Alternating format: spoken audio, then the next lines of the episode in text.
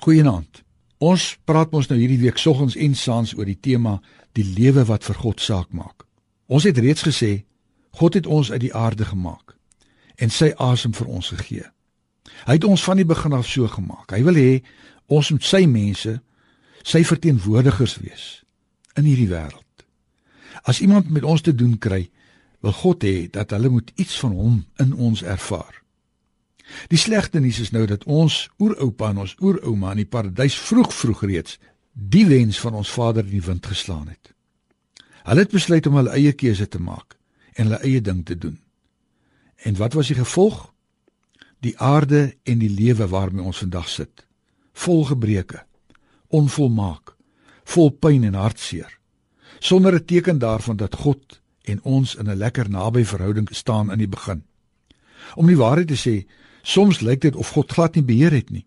Dis waarom hy in die begin die verskriklike afstand tussen hom en ons die dood genoem het. Maar nou die goeie nuus. Hy kom voer toe 'n plan uit wat hy in die paradys reeds beloof het.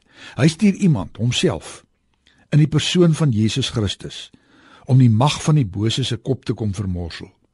Jesus kom sterf aan die kruis en staan op uit die dood en hy gaan regeer weer op sy troon. Hy is weer sigbaar die koning. Hy maak die dood weer lewe. Die lewe wat vir hom saak maak. Daarom skryf Johannes in sy evangelie in hoofstuk 1 vers 4: In hom was daar lewe en die lewe was die lig vir die mense. Deur Jesus en die gees van Jesus in ons kom maak hy die lewe waarmee ons so sukkel, die lewe wat vir hom saak maak. Ons hoef dus nie meer in die donkerte rond te ploeter en te wonder wat reg en verkeerd is nie. Hy is die lig om die lewe te kan leef wat hy van ons vra. Kom ons bid saam. Vader, baie baie dankie dat U vir ons die lig in die donkerte geword het. Dankie dat ek in U lig kan leef.